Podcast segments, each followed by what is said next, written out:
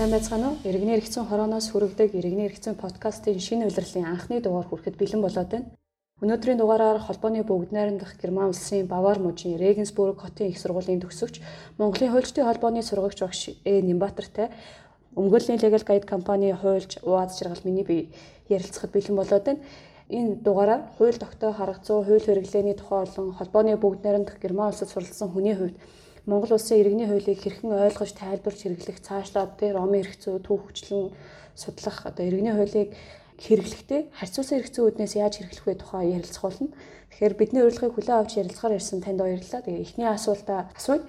Таны бодлоор иргэний хуулийг ямар аргаар судлах хэрэгтэй, шаардлагатай байна вэ? Энэ талаар таныг хариулж өгнө үү? За, урьж оролцуулж аваад баярлалаа. Иргэний хуулийг ерөнхийдөө судлахад би өөрийнхөө зүгээс хамгийн хийдэг ажил бол харьцуулсан зүйн арга техник тэгээ үүнийг хийхин тулд эхлээд иргэний хуулийн үндсэн судалгааг буюу иргэний хуулийг өөрийг нь яаж тайлбарлах вэ?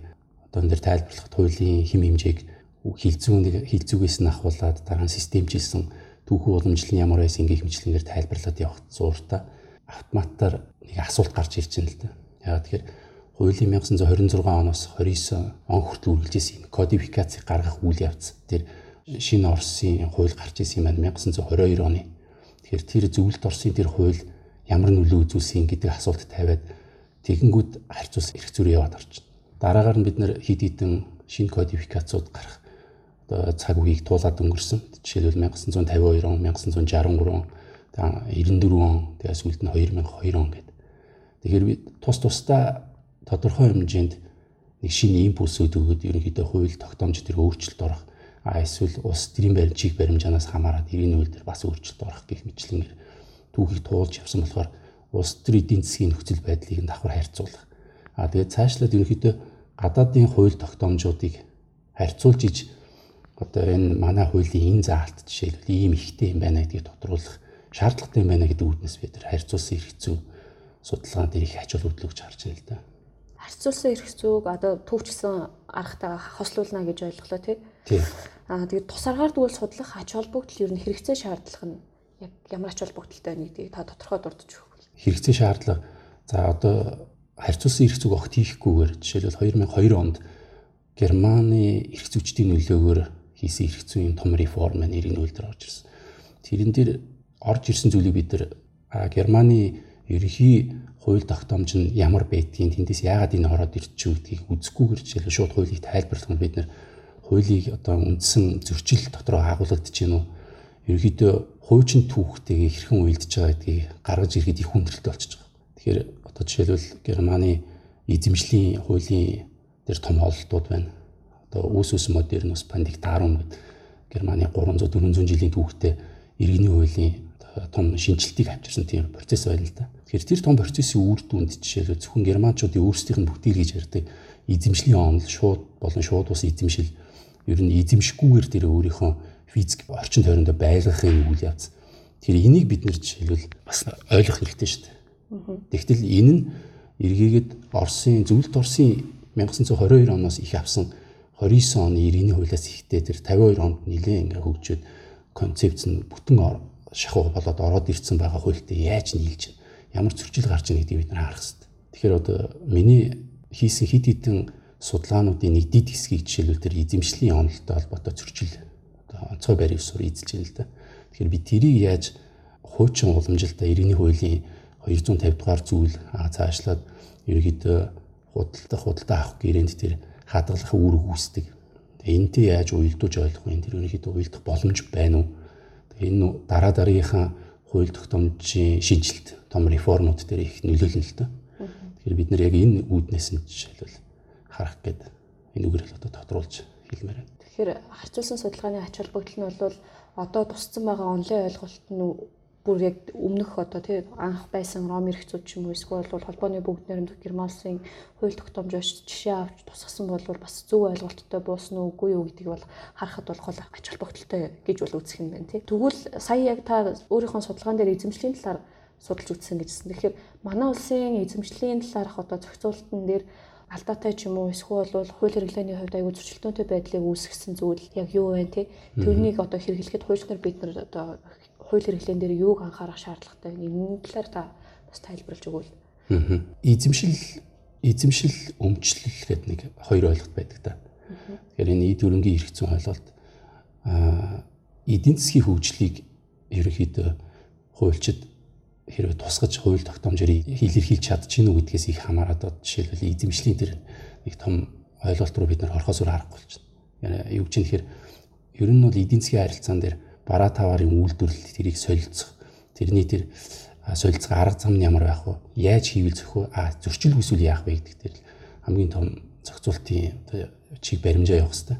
Тэгээд тэрэн дээр жишээлбэл хурцсах нэг процесс нь өмчлөгч нь өөр итгээд байгаад эзэмшигч нь өөр итгээд тэгээд ерөнхийдөө энэ хоёрын хоорондын харилцаан дээр маргаангүйгээр нэг дид дид ийм нөхцөл гарч байгаа юм. Эдийн засгийн ийм харилцаа бид нэр эзэмшлийг яаж одоо энэ дэр оруулж ирэх болох вэ гэдэг талаас харуул их ололтой харагддаг.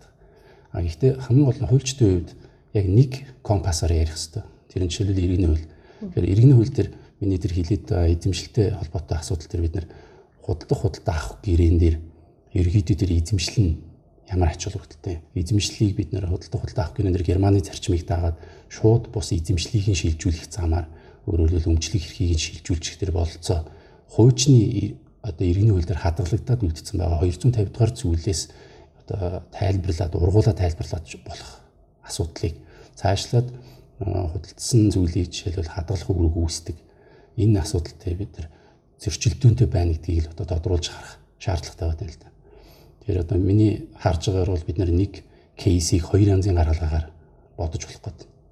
Нэг нь Германы онлоор нөгөөх нь 1929 26-аас 29 оны хуулиас ихтэй 1952 63 онуудад ерөнхийдөө нэлийн төгс болгоод нэг өөрчлөлт найруулсан хуулиар. Тэгэхээр энэ хууль чинь өөрөө эргээгээд харьцуулсан эрх зүгээр бид нэр судлаад үзэхээр Оростой харьцуулахаар Оросууд мөн Францын хуулийн зарчмаас авсан байдаг. Францын хуулийн зарчим дээр гэхээр ерөнхийдөө эзэмшлийг салаалах гэдэг ойлголт байдгүй. Шууд болон шууд бас эзэмшил гэж ярьдаггүй. Ягаад тэгэхээр Францчууд ч өөрснөө консенсийн зарчим буюу худалдаа худалдаа авах гэрээ хиймэгц өмчлөгч болдог. Тэгэхээр жишээлбэл хоёр этгээдэд дараалал худалдсан байна. Тэгэх юм бол эзэмшлийн дээр нь ямар үүрэгтэй вэ гэдгээр жишээлбэл Францчууд иргэнийхээ хууль дээр одоо Code Civil буюу Наполеоны хуулийг ярьж байна л да. Тэгэхээр тэр хуулиас ерөөдөө Францчууд дээр ямар гаргалгаа хийсэн. Тэрийг нь Оросууд өөрснийхөө хууль шингээгээд оруулж ирээд тэрнээс нь монголчууд авсан байна. Тэгэхээр өөрөөр хэлбэл бид нар иргэний хуулийн 111-ийг наривчлаад унших юм бол тийм дэр тэгж байгаа. 111-ийн 1 дээр хууль буюу гэрээнд өөрөөр заагаагүй бол Тэгэхээр өөрөөр хэлбэл бид нэр гэрээндээ өөрөөр заах боломжтой. Гэрээндээ юу заах юм гэхээр худалдаа худалдаа авах гэрээгээр өмчлөгч болж болно. Энэ мэдээж нэг бүрийн шинжтэй зүйлийг л ярьж байна тийм. Төрлийн шинжтэй зүйл дээр арай өөр. Тэгэхээр нэг бүрийн шинжтэй зүйлийг худалдангууд өмчлөгч болчлоо. Тэгэхээр өмчлөгч болцсон хүн жишээлбэл өөрийнхөө хөрөнгийг дараа нь ирж авах авна гэдэг ингээд тогтцсон байлаа гэхэд өөрөө өмчлөгч болцсон нөгөө худалдагч нь хадгалах үүрэгтэй болцсон. Хүний имийг хадгалж байгаа ийм заалт байх боломжтой юм байна энийг юу нэг ингэж зохицуулъя гэдэг тухай дээр Францчууд тийм шийдлийг Оросууд аваад болцсон байна тийм ээ. Дуулгацсан байна. Утгшуулах гэж ярьдаг л да. Тэгэхээр тэр жишээлбэл Монгол улсын иргэний хууль дээр ороод ирсэн байхаар нөгөө талдаа бид нар Германы тэр хийзвэрлийн зарчмыг яриад байгаа юм нэг хэр оновчтой.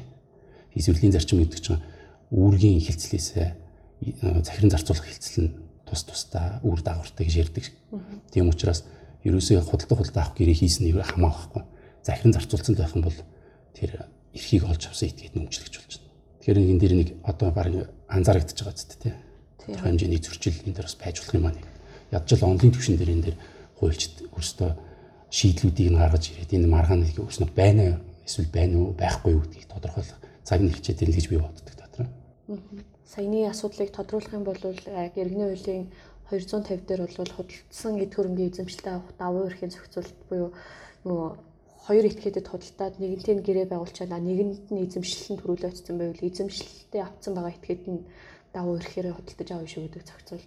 Гэтэл яг ерөнхий ангийнхаа одоо тий хөдөлгөхөд хөрөнгийг шилжүүлэх дээр болохоор 111 дээр гэрээ байгуулснаар өмчлөх эрх одоо нөгөө этгээд рүү шилжнэ гэдэг зохицуулттай бол онлын үед бол ийм хоёр холбооны бүгд найрамдах Герман улсын болон Францын онл хоёр хооронд тусцамнаас бол ийм зөрчилдөөнтэй байдал үүсэж байна гэж ойлгож болох уу тий?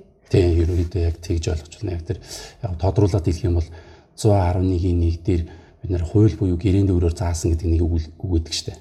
Тэр чинь ерөөд ихэнх хуулийн хэм хэмжээнүүд дээр ажиглагддаг байдаг. Тэгэхээр тэрийг ач холбогдлохгүй яаж болох юм. Гэхдээ хэрвээ бүр нарийн уншиг гэх юм бол тэрэн дээр гэрээнд өөрөөр заах гэдэг нь ямар учиртай энэ өөрөөр талууд тэрийг гэрээнд өөрөөр тогтоох боломжтой гэсэн илэрхийл байгаа байхгүй. Тэгэхээр яг тэр үгээр дамжаал тэр 250-ыг системчлийнхаа хувьд ингэж уйлдана. 250 дахь зүйл заалт байна.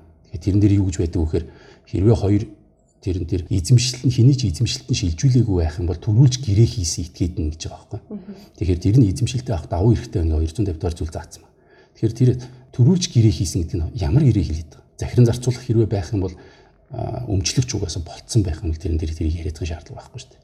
Германы одоо гаргалгаагаар явах юм бол. Гэсэн чинь тэр төрүүлж гэрээ хийсэн гэдэг тэр гэрээг нь тайлбарлахад бид нар энэ худалдаа хулт авах гэрээ хэлээд байгаа юм байна. Тэгээ ингэж бид нэр тайлбарлах боломжтой гэдгийг иргэний хуулийн түүхэн өөр хэлээд байдаг. Тэгэхээр буцаагаад жишээлбэл 52 оны хуулиудыг үзэх юм бол тэр нэр товч дотор авчирсан байгаа байхгүй. Тэгэхээр яг хилцүүн хувьд ийм илэрхийлэлүүд байна. Тийм учраас бид нэр түүхийнхэн хувьд ингэж тайлбарлах боломжтой. Тийм гаргалгаа хийх нэг талаасаа хийчихлээ.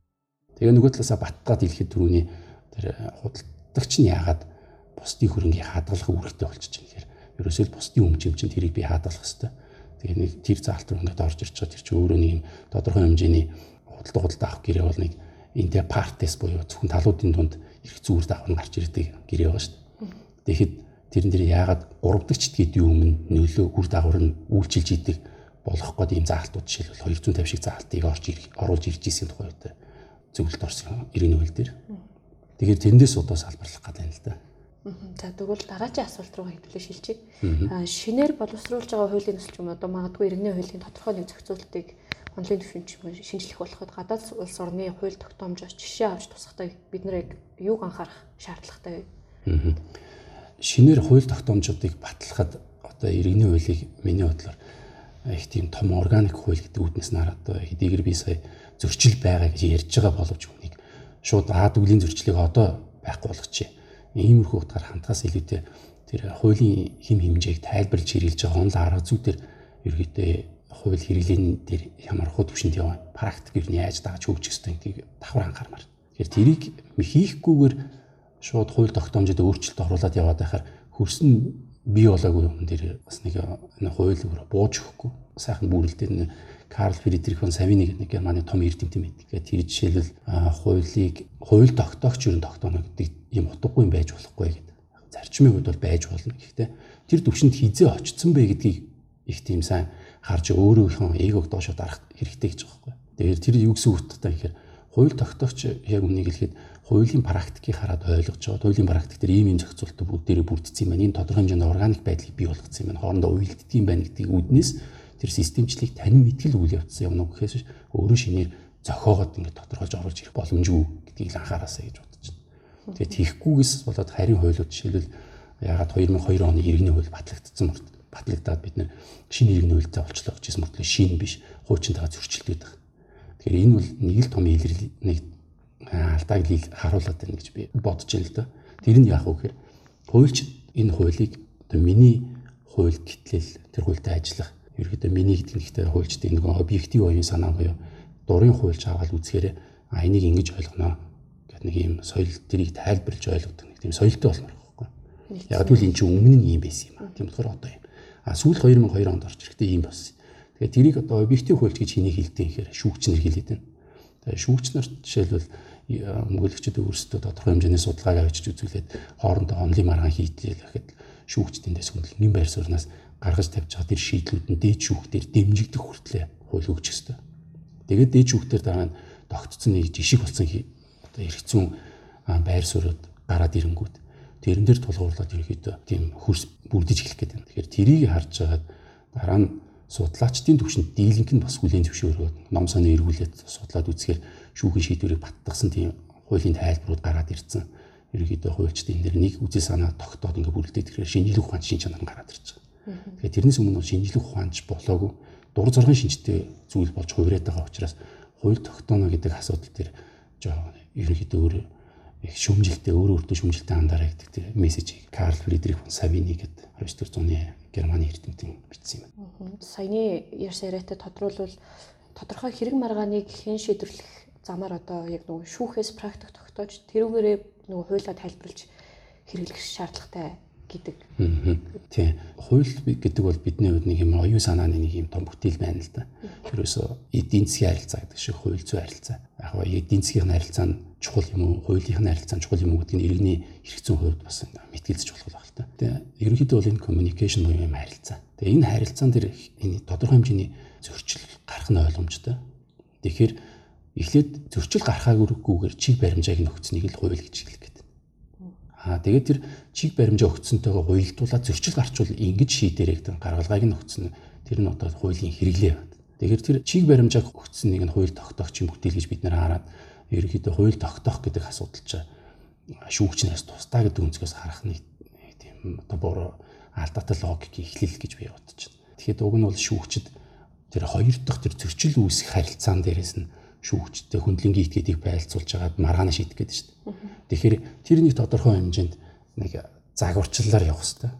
Тэгээ тэр загварчлал нь үндсэн бүтцийн асуудлаа мэддэг хүмүүс шүүгчийн ажлыг хийдэг. Тэгээ тэн дээр тодорхой хэмжээний хууль хөгжүүлэх процессыг нэг чиг баримжаагаар хийгээд даадах хэрэгтэй болчиход.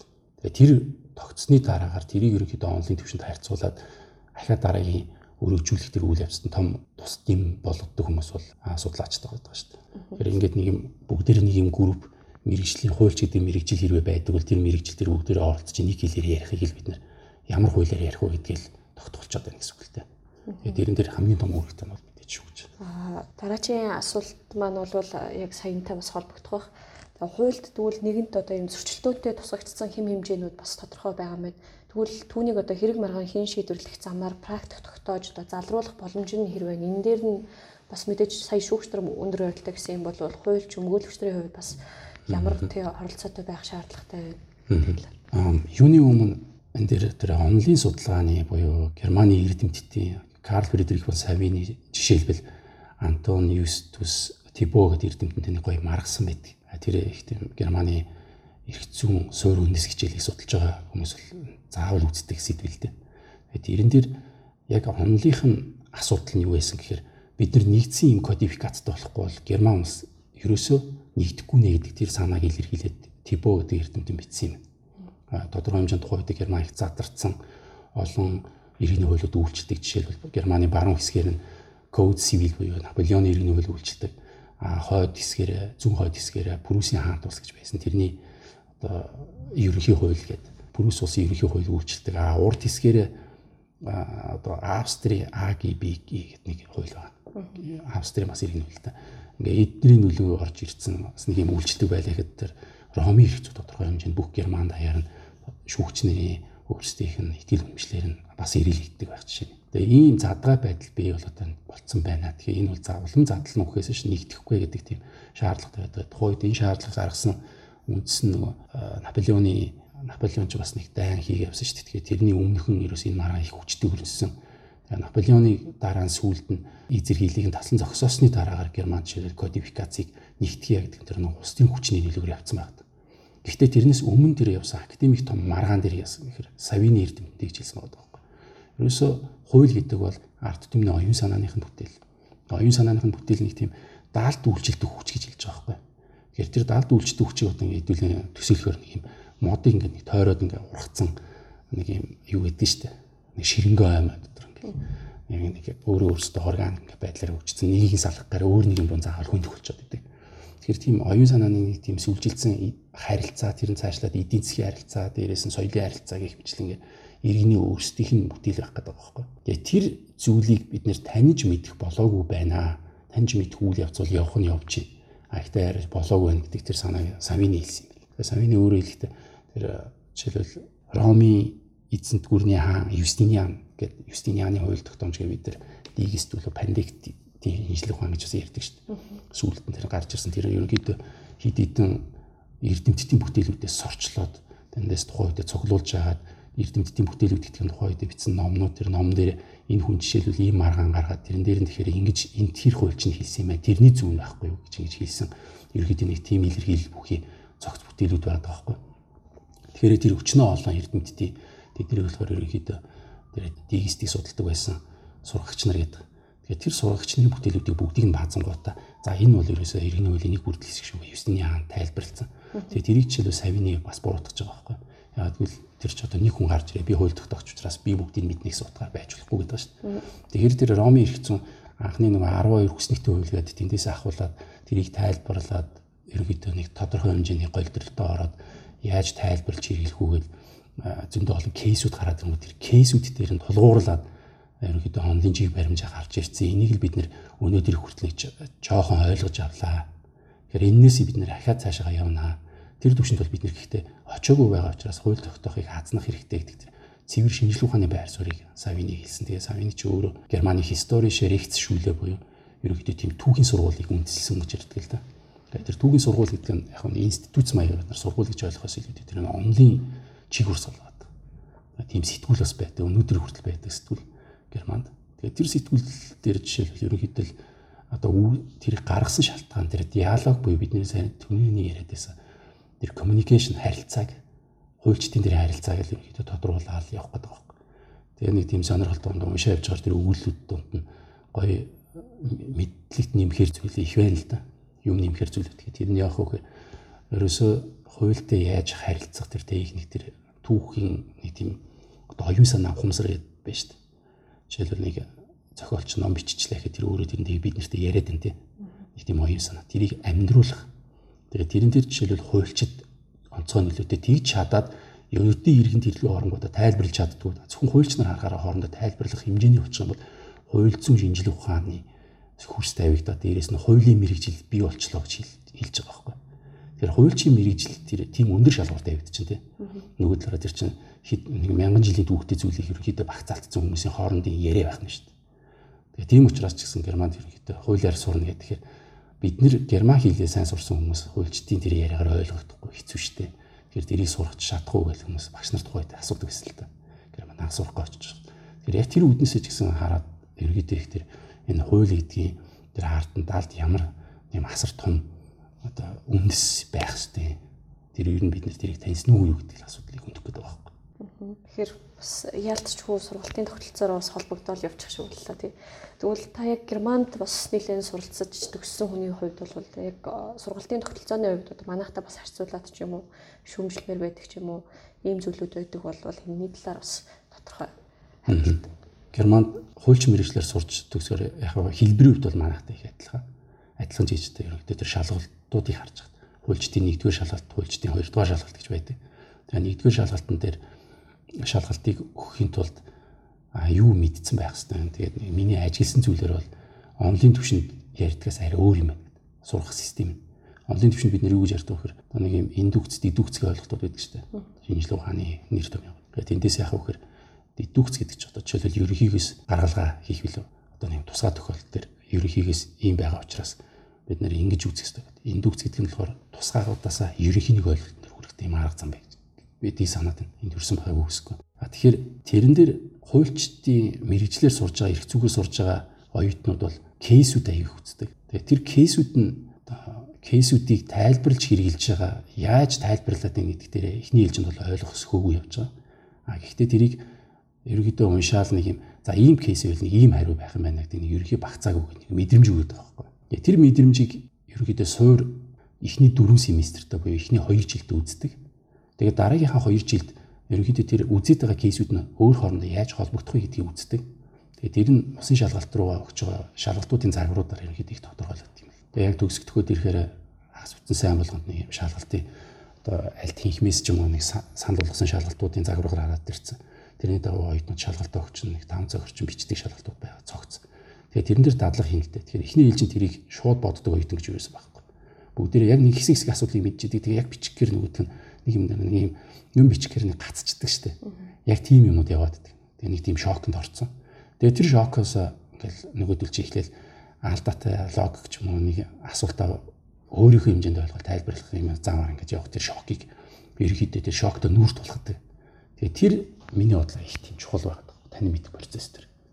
Ер нь хин ч гэсэн өөрийгөө мэддэг гэж бодож исэн зүйлээ харангуйтаа өөр өнцгөөс нь харангуйтаа үеийн зүйл байсан юм гэхээр нэг тийм бас нэг юм байдаг шүү дээ одоо ялангуяа өөрийнхөө сэтгэл судлал дээр хүмүүс нэг сэтгэл зүйн проблемтэй болсон байгаа хүмүүс өөрсдөө би асуудалгүй гэж бодоод байдаг. Гэхдээ сэтгэл зүйч яг нэг нюанс юм гаргаж ирж байгаа хүндэд өөрхийн зөрчлийг нийлрүүлээд өөртөө нүрт тулдаг шүү дээ. Яг тэр шиг зүйлийг Германд яг амжилттай хийдэг юм санагдсан надад. Тэгэхээр би ч гэсэн тэр шоконд нь орсон. Тэнгүүд хүн хоёр янзын дүгнэлтийн өртөө хийх юм уу гэд бас одоо ерөнхийдөө хийх гээд байна л да. Тэрний үг. А нэг үл би шууд сохроор одоо би болоог би амар их юм уншмаар юм. Би маш их юм унших юм байсан гэдэг. Тэгээд олон номруудаа дахиад унших гад ийм шийдэл гаргахад тухайн үедээ амархан боловч дахиад гацна. А эсвэл нөгөө өөртөө тийм логик асуулт тавьж эхэлнэ. Тэр нь яг үгээр би энэний нэг дотоод бүтцэн мөн чанарыг ойлгох хэрэгтэй юм. Тэгээ энэний төлөө би ганцхан надад арга хэрэгсэл байгаа гэдгийг л ойлгож байгаа. Тэгээ тэр нь яг үгээр тэр хуулийн шинжлэх ухаан гэдэг арга барилтанд суралцах. Тэр нь хуулийн хэмжээг тайлбарлахаас эхэлж байгаа. Тэгэхээр би аливаа асуудлыг үзэнгүүтээ за магадгүй тэр хуулийн заалтыг л би хэрэглэх юм байна гэж бодчихвол эхлээл хамгийн логикт асуулт өртөд тавьж байгаа энэ хуулийн заалтыг би хэрэглээд ийм үр дүнгийг би гаргахыг хүсэж байна гэдгээ бичлээ. Тэгэнгүүтээ тэхийн тулд ихтэй энэ энэ үгнүүдийг би тайлбарлах хэрэгтэй гэдгээс эхэлнэ. Яг нэг үгнүүдийг чинь тайлбарч эхэлнэ. Тэгэнгүүтээ нөгөө бодит өгсөн тохиолдлын харангуудаа харьцуулаад за энэ нэг энэ хуулийн энэ хүүхдээ нийлж гин үгнүүдийг үзэн шүү дээ. Яг нөгөөдхөө үзээд тайлбарлах гэсэн чинь болохгүй байгаадийнх нь нөгөөд чинь. За энийг одоо яаж шийдмээр юм бэ? Тэгэнгүүтээ шүүхэн шийдвэрээ дүүн шонгод жинхэнэ утга нь гарч ирж байна. Энд дэр энэ үгийг л тайлбарлах гэж тэр шүүхийн шийдвэр одоо энэ энэ шүүхийн шийдвэр гарсан эсвэл энэ ном бичигдсэн юм байна гэдэг. Тэгээд профессоруудын ерөөсөө яг хүсч идэг зүйлүүд нь яг тэр зүйлүүдийг л энэ хүн яг хэр ямар аргаар явж байгаа гэдэг. Тэр нь одоо бидний сүүлийн үед их мэддэг болоод байгаа субсунцийн гэх үг байгаа шүү дээ. Субсунцих гэдэг.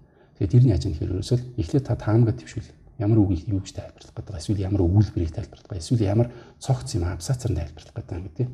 Тэгээд ар араас нь логик логиктойгоор яваад Тэгээ дандаа үр дүнгээ ингээ шахаж гаргаад тэр нь одоо энэ хууль зүйн сургууль дээр хамгийн сүүлд нэвтрээд байгаа арга гэвэл явцын дүгнэлт ч гэдэг юм нэмэрхүү зүйлүүд төр тодорхойж баацдаг юм лээ. Тэгэхээр тэрийг жишээлбэл сурах үйл явцыг германчууд шууд заагаад чи ингээ гэхгүй боловч шааргалтаараа дамжуулж шаардаад оюутнууд нь тэрийг тодорхой хэмжээний давдаг нэг ийм соёл тогтсон юм.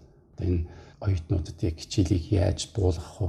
Энэ шокийг нь яаж өгөх хамгийн гол нь за шоконд орлоо гэхэд дараа нь тэр оюутнууд өөрснөө өөрийгөө дайчлаад юм унших уншингууд тэр гарч ирж идэг байх хэрэгтэй шүү дээ. Шүүхийн шийдвэр уншингууд нь гарч ирж идэг. Эсвэл судлаачдын бүтээлийг уншихаар нь гарч ирж идэг.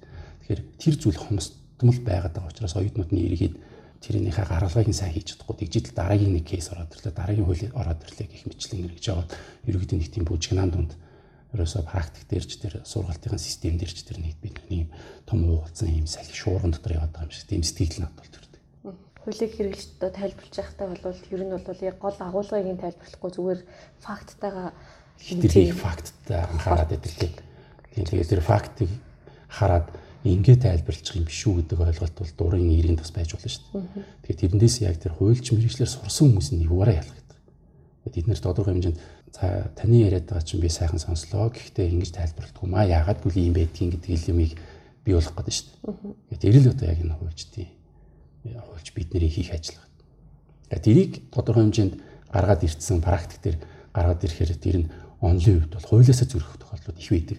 Германд бол жишээлбэл шүүгчийн гаргаж байгаа шийдвэр дээр хуулийг бүр байсан тэр агуулгыг бүр дэлгэрүүлээд тайлбарлсан юм байна. Аа тэгээд дээрэс нь эсвэл шал үгийг бүр ингээ сөргүүлж тайлбарлаж хуулийг хэрэглэх тохиолдол бас байдаг. Тэгээд энэ контралиг юм, экстралиг юм гэж ярьдаг л да. Тэгээд энэ яг онлын түвшин дээр харахаар хуулийг тэгж чөлөөтэй тэгж хэрэглэх боломжгүй. Яагаад гэвэл эн чинь та зүгээр л хэрэглэх ёстой гэдэг нэг юм ойлголтууд байна шүү дээ. Тэгэхээр эдгээр жишээлбэл тэр одоо Германы Begriffs Jurisprudence гэх ойлголт байдаг. Тэр Jurisprudence гэдэг чинь эрх зүйн шинжилгээ ухаан. Гэтэ Begriff гэдэг нь тэр нэр томьёо тодорхойлт гэж байгаа байхгүй. Тэгээ тэр ч одоо 19-р зууны хамгийн их тийм чанга болж ирж исэн тийм дуу хоолой л да. Онлын.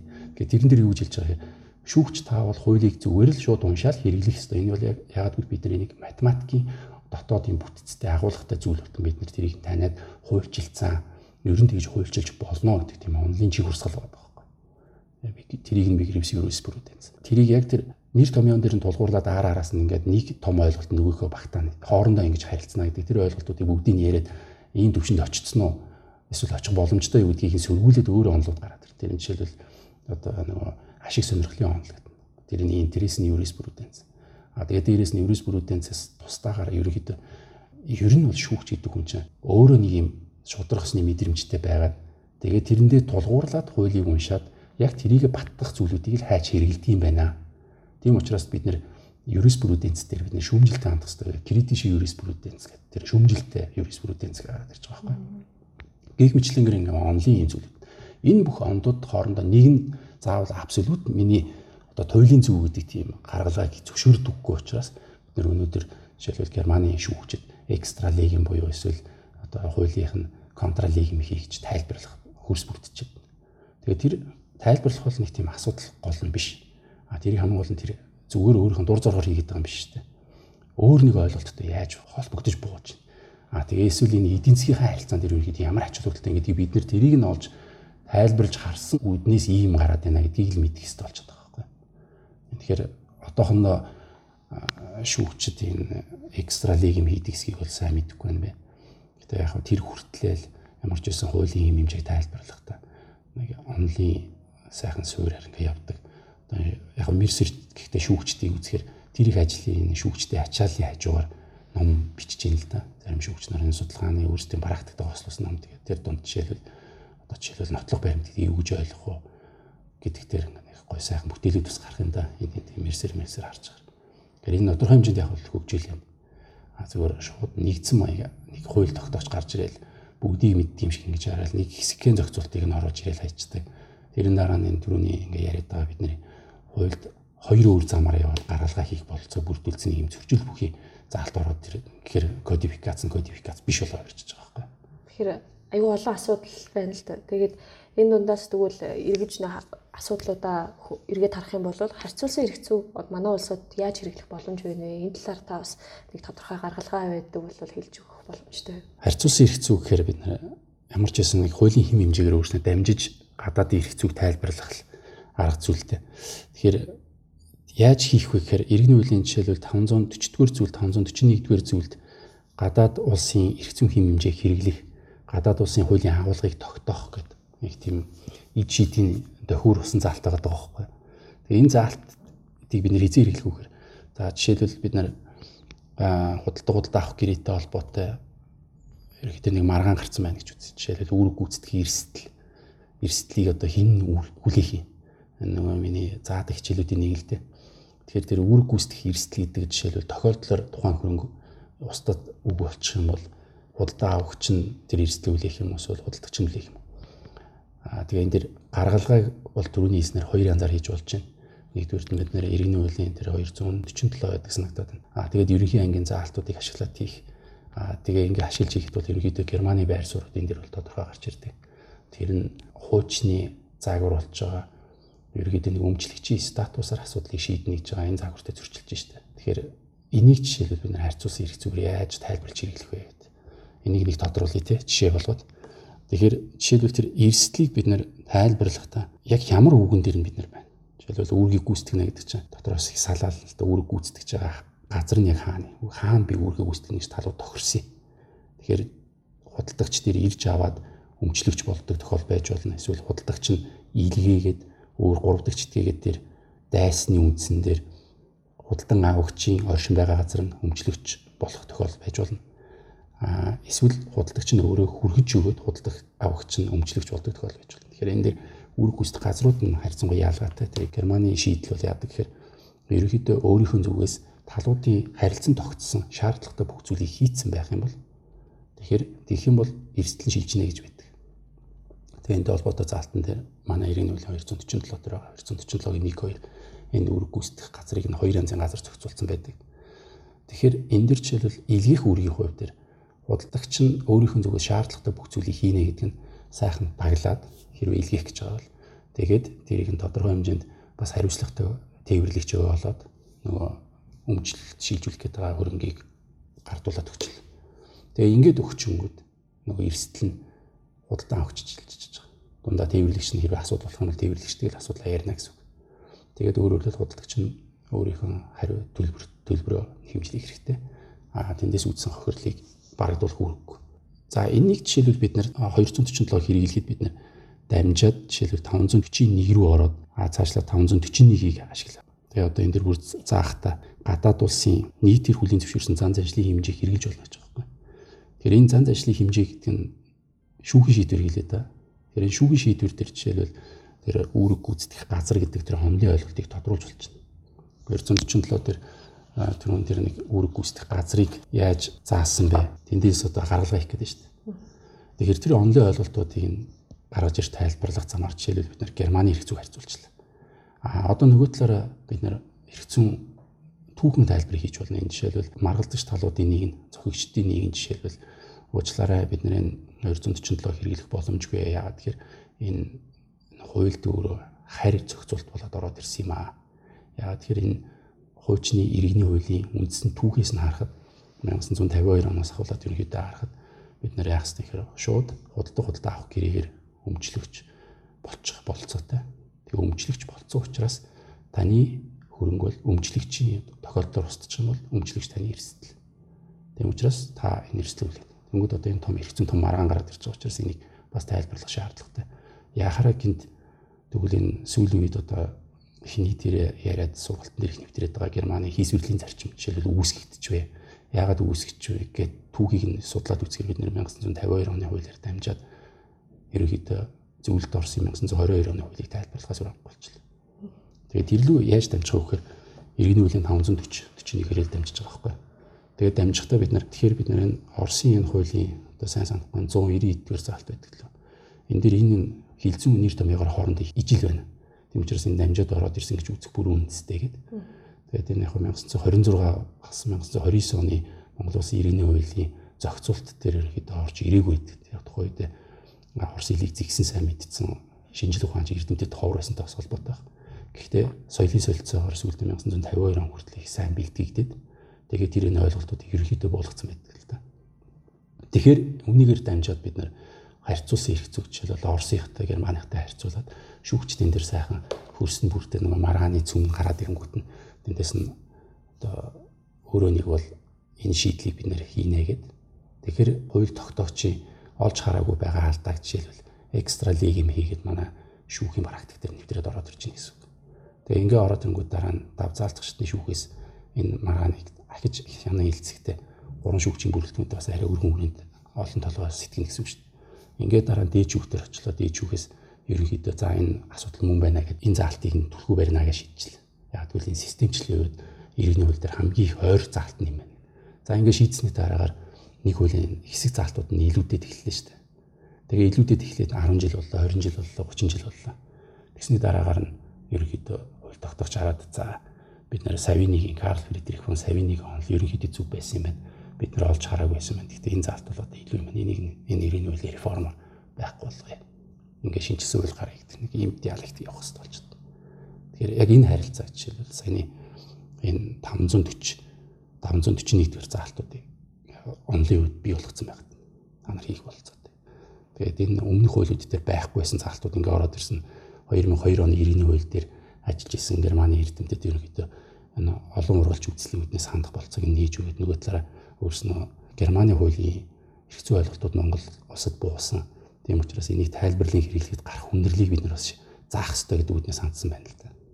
Тэгээд энэ гэхдээ энэ эдтийн зөвхөн Германы хуулийг биш бид нар иргэний хуулийн түүхээрээ дамжаад Оросын тэгээд бүр цаашлах юм бол хэрвээ эрдэмтдийн чадлан сайн хүрэх юм бол Францын хуулийг тэгээ Францаасаа дамжаад Ром хэрэг зөрөө очоод дигистүүдийг хүртэл тайлбарлах болцоо. Онлайн бүрдэж байгаа юм. За тэгэхээр энэ хүртэл анхааралтай сонссон нийт сонсогч нартай бүгдээрэн дээр нь баярлалаа энэ өнөөдрийн дугаараар бол бид нар иргэний эрх хуулийг одоо хэрэглэх тэр дундаа харьцуулсан эрх зүйнээс яаж иргэний хуулийг хэрэглэх боломж нь байна гэдгийг бол маш сонирхолтой жишээнүүд дээр бас тулгуурлаж ярилцлаа гэж үзэж байна. Тэгээ өнөөдрийн дугаарт оролцсон танд баярлалаа. За нэвтрүүлэгтээ подкастаа урьж оролцуулсан явдал баярлалаа. Сонсогч нартай анхааралтай сонссон явдал бас баярлалаа.